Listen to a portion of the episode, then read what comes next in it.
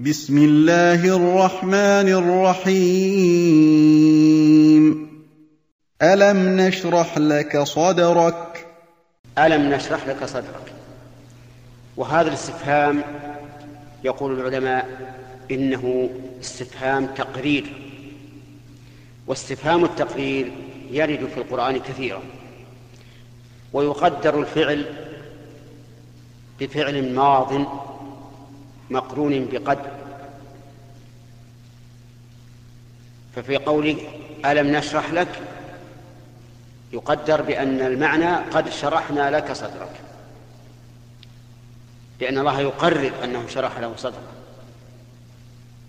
وهكذا جميع ما يمر بك من استفهام التقدير فإنه يقدر بفعل ماض مقرون بقد أما كونه يقدر بفعل ماض فلأنه قد تم وحصل وأما كونه مقرون بقد فلأن قد تفيد التحقيق إذا دخلت على الماضي وتفيد التقليل إذا دخلت على المضارع وقد تفيد التحقيق.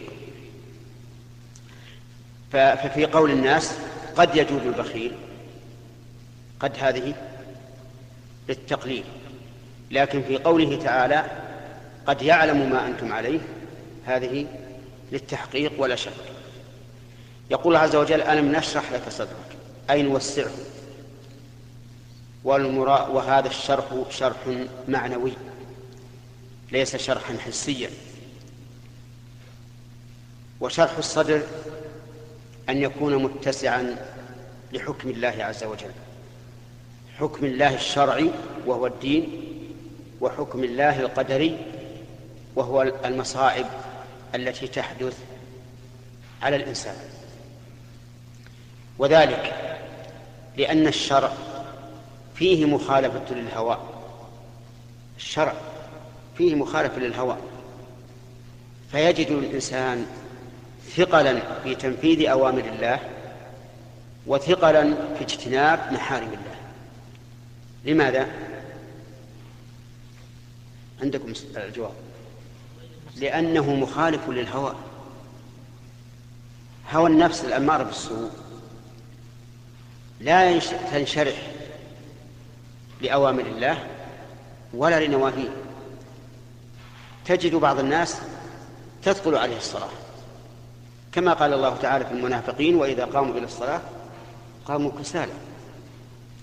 ومن الناس من تخف عليه الصلاة بل يشتاق إليها.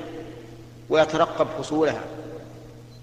كما قال النبي عليه الصلاة والسلام جعلت قرة عيني في الصلاة. إذن فالشرع فيه ثقل على النفوس. اجتناب المحرمات بعض الناس يهوى أشياء محرمة عليه كالزنا وشرب الخمر وما أشبه ذلك. فتثقل عليه. ومن الناس من ينشرح صدره لذلك ويبتعد عما حرم الله. وانظر إلى يوسف عليه الصلاة والسلام لما دعته امرأة العزيز بعد أن غلقت الأبواب وقالت حيث لك وتهيأت له بأحسن ملبس وأحسن صورة والجو خالي والمكان آمن أن يدخل أحد. غلقت الأبواب وقالت حيث لك. ماذا قال؟ معاذ الله. استعاذ بربه. لأن هذه حال حرجة. شاب وامرأة عزيز ومكان خالي وآمن. والإنسان بشر. ربما تسول له نفسه أن يفعل. ولهذا قال ولقد همت به وهم بها لولا أن رأى برهان ربه. وفي الصحيح عن النبي صلى الله عليه وعلى آله وسلم أن أنه قال سبعة يظلهم الله في ظله يوم لا ظل إلا ظله إمام عادل وشاب نشأ في طاعة الله ورجل قلبه معلق بالمساجد ورجلان يتحابا في الله اجتمعا عليه وتفرقا عليه ورجل دعته امرأة ذات منصب وجمال فقال إني أخاف الله ورجل تصدق ورجلان تحابا في الله اجتمعا عليه وتفرقا عليه ورجل تصدق بصدقة فأخفاها حتى لا تعلم شماله ما تنفق يمينه. والشاهد من هذا قوله رجل دعته امرأة ذات منصب وجمال فقال إني أخاف الله. فأقول شرح الصدر للحكم الشرعي معناه قبول الحكم الشرعي والرضا به وامتثاله وأن يقول القائل سمعنا وأطعنا. وأنت أنت بنفسك أحيانا تجد نفس قلبك منشرحا للعبادة. تفعلها بسهولة وانقياد وطمأنينة ورضا. وأحيانا بالعكس لولا خوفك من الإثم ما فعلت. فإذا كان هذا الاختلاف في الشخص الواحد فما بالك بالأشخاص؟ انشراح الصدر للحكم القدري نقدم على الكلام فيه سؤالا. هل جميع أحكام الله الكونية هل هي ملائمة لطبيعة الإنسان أو لا؟ لا.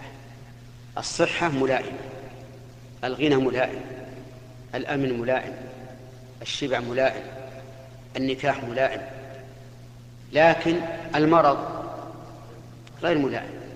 الخوف غير ملائم الجوع غير ملائم وأشياء كثيرة. فالإنسان الذي شرح الله صدره للحكم الكوني تجده راضيا بقضاء الله وقدره مطمئنا إليه. يقول أنا عبد والله رب يفعل ما يشاء. هذا الرجل الذي لا الذي على هذه الحال سيكون دائما في سرور. لا يغتم ولا يهتم. هو يتألم لكنه لا لا لا, لا يصل هذا إلى أن يحمل هما أو غما. ولهذا جاء في الحديث الصحيح عن النبي عليه الصلاة والسلام أنه قال عجبا لأمر المؤمن إن أمره كله خير. إن أصابته وليس ذلك إلا للمؤمن. إن أصابته ضراء صبر فكان خيرا له وإن أصابته سراء شكر فكان خيرا له. إذن شرح الصدر يعني توسعته يعني توسعته وتهيئته لأحكام الله إيش؟ الشرعية والقدرية. لا يضيق بأحكام الله درعا إطلاقا. إن نبينا محمدا صلى الله عليه وعلى آله وسلم له الحظ الأوفر من ذلك. ولهذا تجده أتقى الناس لله. وأشدهم قياما بطاعة الله وأكثرهم صبرا على أقدار الله. ماذا فعل الناس به حين قام بالدعوة؟ وماذا يصيبه من من الأمراض؟ حتى إنه يوعك كما يوعك الرجلان منه. يعني من المرض شدد عليه. أك يعني كرجلين منه. وحتى إنه شدد عليه عند النزل عند الموت عليه الصلاة والسلام. حتى يفارق الدنيا وهو أصبر الصابرين. والصبر معلوم أنه درجة عالية لا تنال إلا بوجود شيء يصبر عليه. أما الشيء البارد ما ما في صبر. لهذا نجد الأنبياء أكثر الناس بلاء ثم الصالحين الأمثل فالأمثل. أعود مرة ثانية. ما معنى أنا نشرح صدرك. أي نوسعه لقبول قضاء الله الشرعي أو حكم الله الشرعي والقدري وهذا حاصل على الوجه الأكمل بالنسبة للرسول صلى الله عليه وسلم. ووضعنا عنك وزرك. وضعناه أي طرحناه وعفونا وسامحنا وتجاوزنا عنك وزرك أي إثمك. الذي أنقض ظهرك. الذي أنقض ظهرك. يعني أقضه وآلمه لأن الظهر هو محل الحمل. فإذا كان هناك حمل يتعب الظهر فإتعاب غيره من باب أولى. لأن أقوى عضو في أعضائك للحمل هو الظهر. وانظر الفرق بين أن تحمل كيسا على ظهرك أو تحمله بين يديك بينهما فرق. فالمعنى أن الله تعالى غفر للنبي صلى الله عليه وعلى آله وسلم وزره وخطيئته حتى بقي مغفورا له.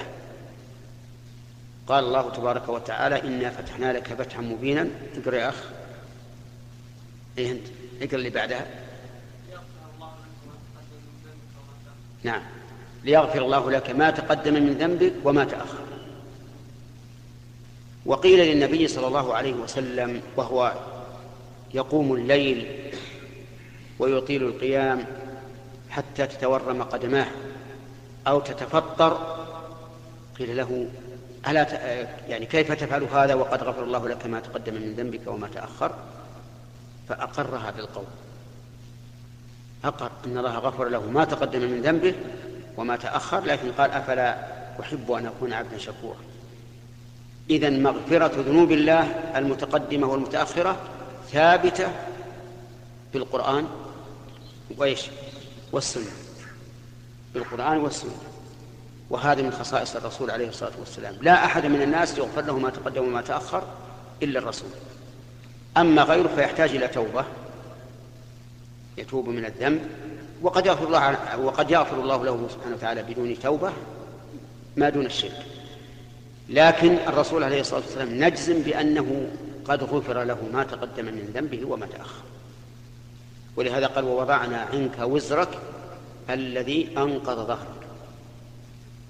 فإن قال قائل هذه الآية وما سقناه شاهدا لها يدل على أن الرسول صلى الله عليه وسلم قد يذنب.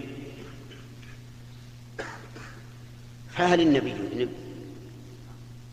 نعم. الجواب نعم. ولا يمكن أن نرد النصوص.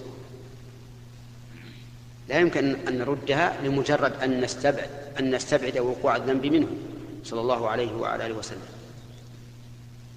ونحن لا نقول الشأن أن لا يذنب الإنسان بل الشأن أن يغفر للإنسان.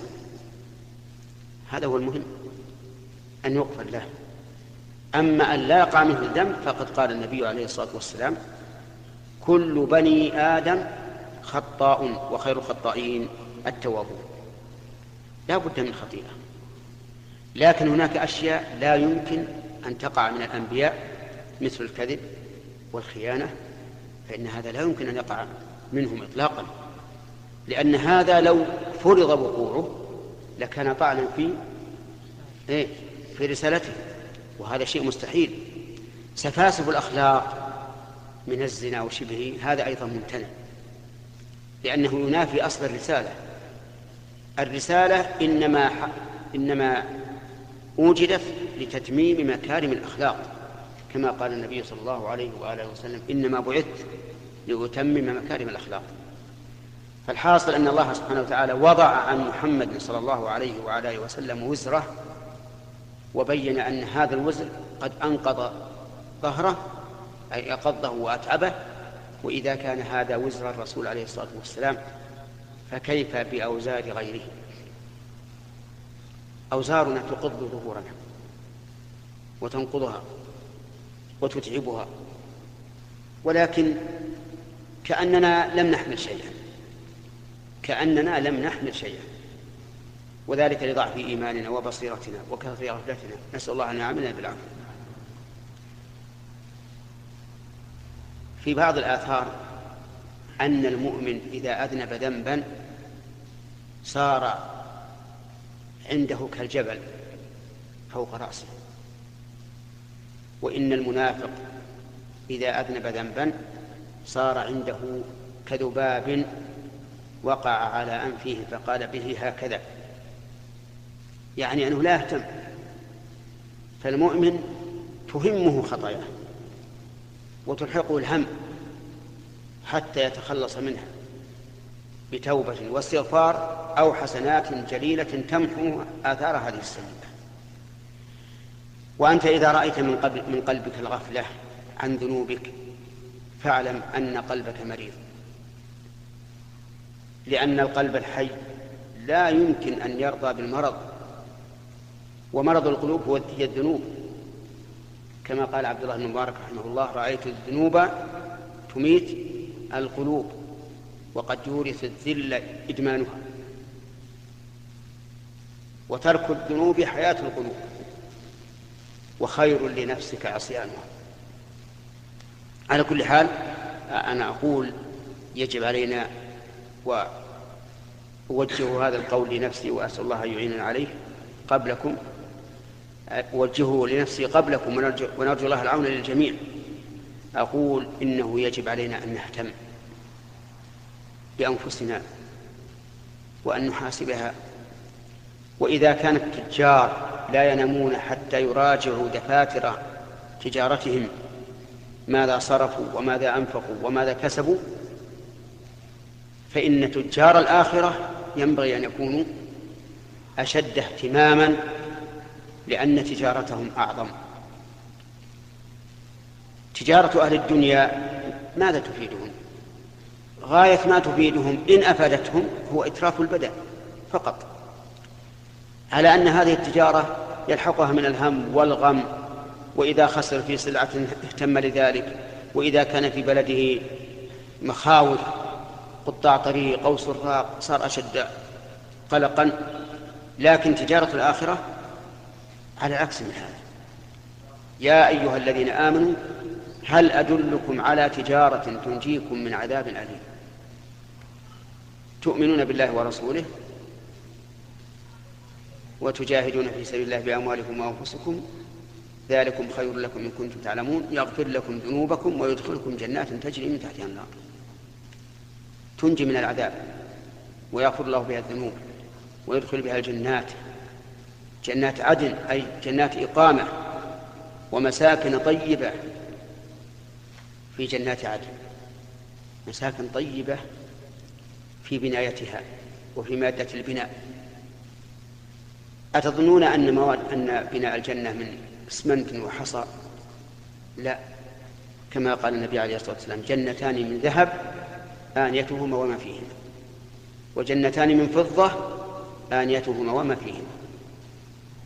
والله لا يبقى الإنسان في سجدة منذ, منذ بلغ إلى أن يموت لكان هذا ثمنا قليلا بالنسبة إلى هذه الغنيمة العظيمة. ولو لم يكن إلا أن ينجو الإنسان من النار لكفى. أحيانا الإنسان يفكر يقول ليتني لم أولد. أو يكفيني أن أنجو من النار.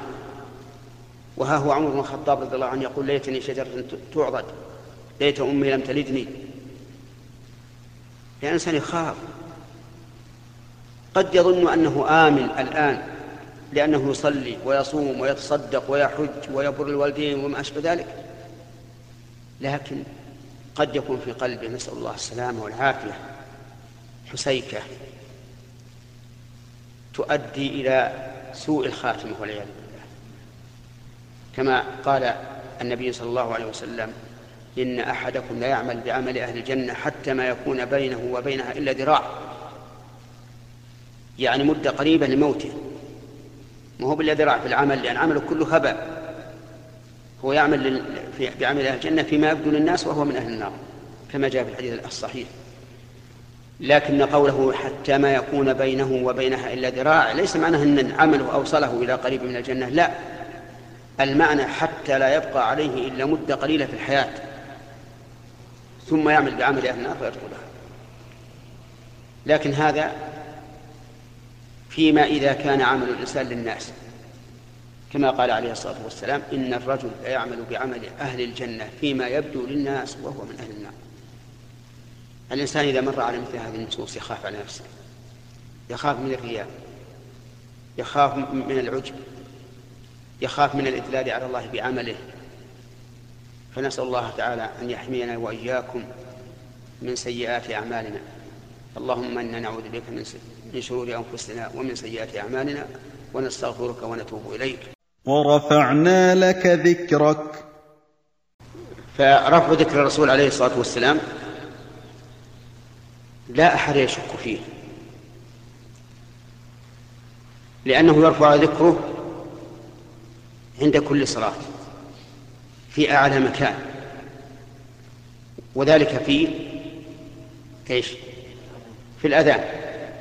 أشهد أن لا إله إلا الله وأشهد أن محمد رسول الله. ثانيا يرفع ذكره في كل صلاة فرضا في التشهد. فإن التشهد مفروض وفيه أشهد أن لا إله إلا الله وأشهد أن محمدا عبده ورسوله. ثالثا يرفع ذكره عند كل عبادة. كل عبادة مرفوع فيها ذكر الرسول عليه الصلاة والسلام. كيف ذلك؟ لأن كل عبادة لا بد فيها من شرطين أساسيين. هما الإخلاص لله والمتابعة للرسول عليه الصلاة والسلام. ومن المعلوم أن المتابعة للرسول سوف يستحضر عند العبادة أنه متبع فيها رسول الله صلى الله عليه وعلى آله وسلم. فهذا من رفع ذكره. فإن مع العسر يسرا إن مع العسر يسرا. هذا بشارة من الله عز وجل. للرسول صلى الله عليه وعلى آله وسلم ولسائر الأمة. ونسأل الأخ هل جرى على الرسول عليه الصلاة والسلام عسر؟ وين هو فيه؟ أين؟ حين كان بمكة يضيق عليه في مكة وفي الطائف وكذلك أيضا في في المدينة من المنافقين. فالله يقول فإن مع العسر يسرا يعني كما شرحنا لك صدرك ووضعنا عنك وزرك ورفعنا لك ذكرك وهذه نعم عظيمة. كذلك هذا العسر الذي يصيبك لا بد أن يكون له يسر. فإن مع العسر يسرا إن مع العسر يسرا. قال ابن عباس عند هذه الآية لن يغلب عسر يسرين لن يغلب عسر يسرين. فكيف توجيه كلامه رضي الله عنه مع أن العسر ذكر مرتين واليسر ذكر مرتين؟ قال أهل البلاغة توجيه كلامه أن العسر لم يذكر إلا مرة واحدة فإن مع العسر يسرا إن مع العسر يسرا. العسر الأول أعيد في الثانية بأل فأل هنا للعهد. الذكري وأما يسر فإنه لم يأت معرفا بل جاء منكرا. والقاعدة أنه إذا كرر الاسم مرتين بصيغة التنكير أن الثانية غير الأول إلا ما ندر. والعكس إذا كرر الاسم مرتين وهو معرف فالثاني هو الأول إلا ما ندر. انتبهوا لهذه القاعدة. القاعدة الآن إذا كرر الاسم مرتين بصيغة التعريف. فالثاني لا.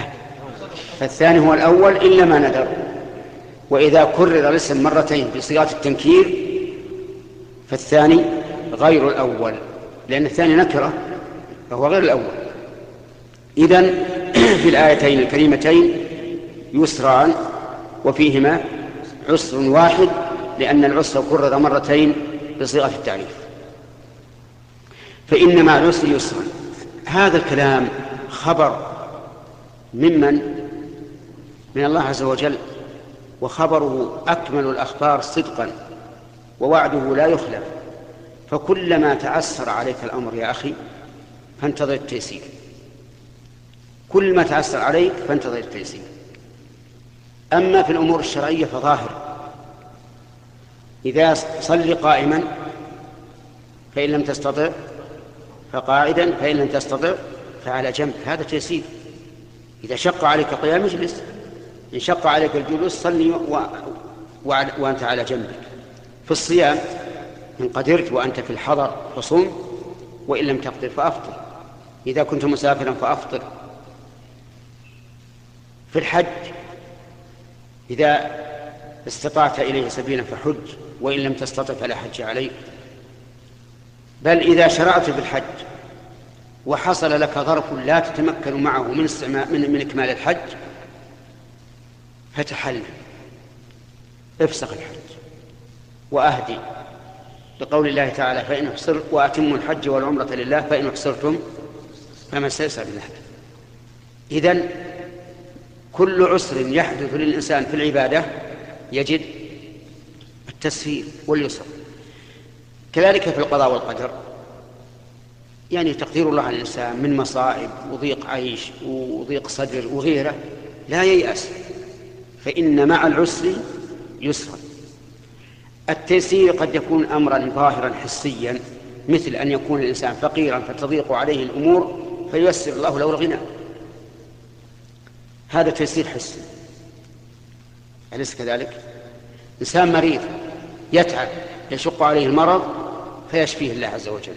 هذا أيضا تيسير حسي هناك تيسير معنوي وهو, وهو معونة الله الإنسان على الصبر. هذا تيسير. إذا أعانك الله على الصبر تيسر لك العسير.